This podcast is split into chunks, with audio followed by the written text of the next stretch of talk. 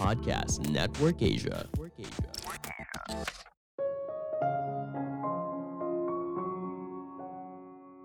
Krisis ekonomi membuat seseorang menjadi kreatif dan berusaha mencari cara untuk bertahan hidup.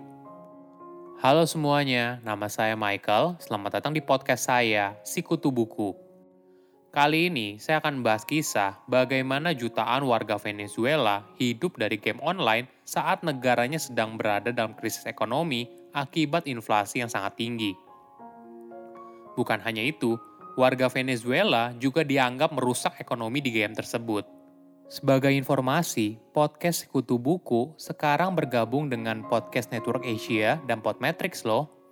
Sebelum kita mulai, buat kalian yang mau support podcast ini agar terus berkarya, caranya gampang banget. Kalian cukup klik follow. Dukungan kalian membantu banget supaya kita bisa rutin posting dan bersama-sama belajar di podcast ini. Venezuela awalnya merupakan negara yang makmur. Namun, sejak tahun 2010, ekonomi negaranya memburuk. Jutaan warga Venezuela berusaha melarikan diri. Cuma sayangnya, 90% yang tidak bisa kabur hidup dalam kemiskinan. Sebagai gambaran, upah minimum rata-rata di sana sekitar 5 dolar per bulan atau setara dengan 70 ribu rupiah per bulan. Hal ini lalu mendorong rakyatnya untuk kreatif mereka berusaha mencari cara untuk bertahan hidup dalam kondisi yang sulit. Salah satunya yaitu melalui permainan game online lawas bernama Old School RuneScape. Yuk kita simak kisahnya. Old School RuneScape adalah sebuah game online lawas yang diluncurkan sejak tahun 2013. Namun sebenarnya, game ini merupakan rilis ulang dari versi RuneScape tahun 2007 dan dimainkan oleh jutaan orang di dunia. Mungkin kamu tidak pernah dengar game ini, Wajar aja, karena mayoritas pemain dari game ini merupakan gamer angkatan lama. Cuma ada yang aneh terjadi dalam beberapa tahun belakangan. Tiba-tiba saja banyak pemain baru yang muncul di old school RuneScape. Anehnya lagi, pemain baru tersebut punya perilaku yang sama. Mereka bermain selama berjam-jam dan melakukan kegiatan yang sama terus-menerus, misalnya membunuh naga hijau berulang-ulang dan mengumpulkan emasnya. Di dunia game online, aktivitas ini biasanya disebut sebagai gold farming. Jadi, ini adalah aktivitas di mana seorang bermain game dengan tujuan untuk mendapatkan emas atau koin atau barang apa pun di dalam game, lalu akan ditukar dengan uang asli di dunia nyata. Tentu saja, kegiatan ini melanggar aturan di banyak game online, tapi terjadi setiap saat, tidak terkecuali di old school RuneScape. Kemunculan banyak pemain gold farming awalnya tidak terlalu menjadi masalah, namun lama-kelamaan, banyak pemain mulai kesal dengan ulah para pemain gold farming. Misalnya, ketika kamu mendapatkan sebuah quest untuk bunuh naga, namun kamu tidak bisa karena para pemain gold farming ini sudah membunuh semua naganya.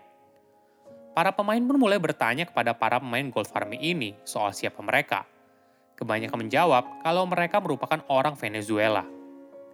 Keanehan lain muncul saat tanggal 7 bulan Maret tahun 2019 lalu Tiba-tiba saja, seluruh pemain gold farming ini menghilang.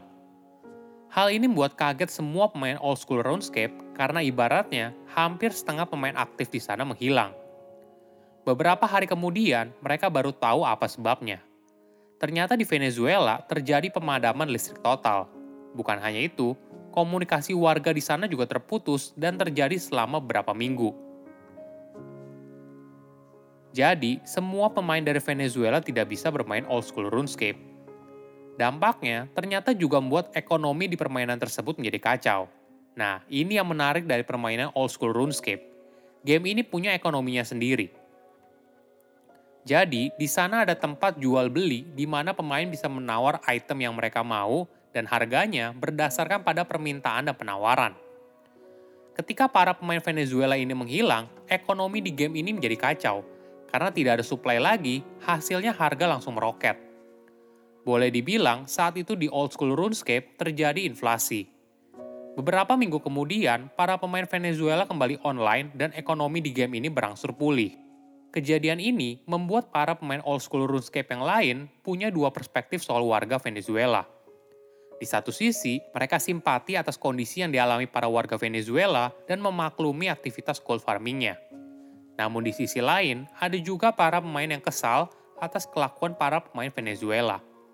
Mereka merasa old school RuneScape lebih baik tanpa adanya para pemain dari Venezuela, karena mereka tidak bermain, namun hanya melakukan eksploitasi game tersebut. Bukan hanya itu, mereka juga merasa kalau para pemain Venezuela tidak memberikan dampak positif bagi old school RuneScape, karena mereka hanya mencari uang tanpa berinteraksi dengan para pemain yang lain. Hal ini yang mendorong kubu yang kesal menjadi fokus menyerang setiap pemain Venezuela yang mereka temui.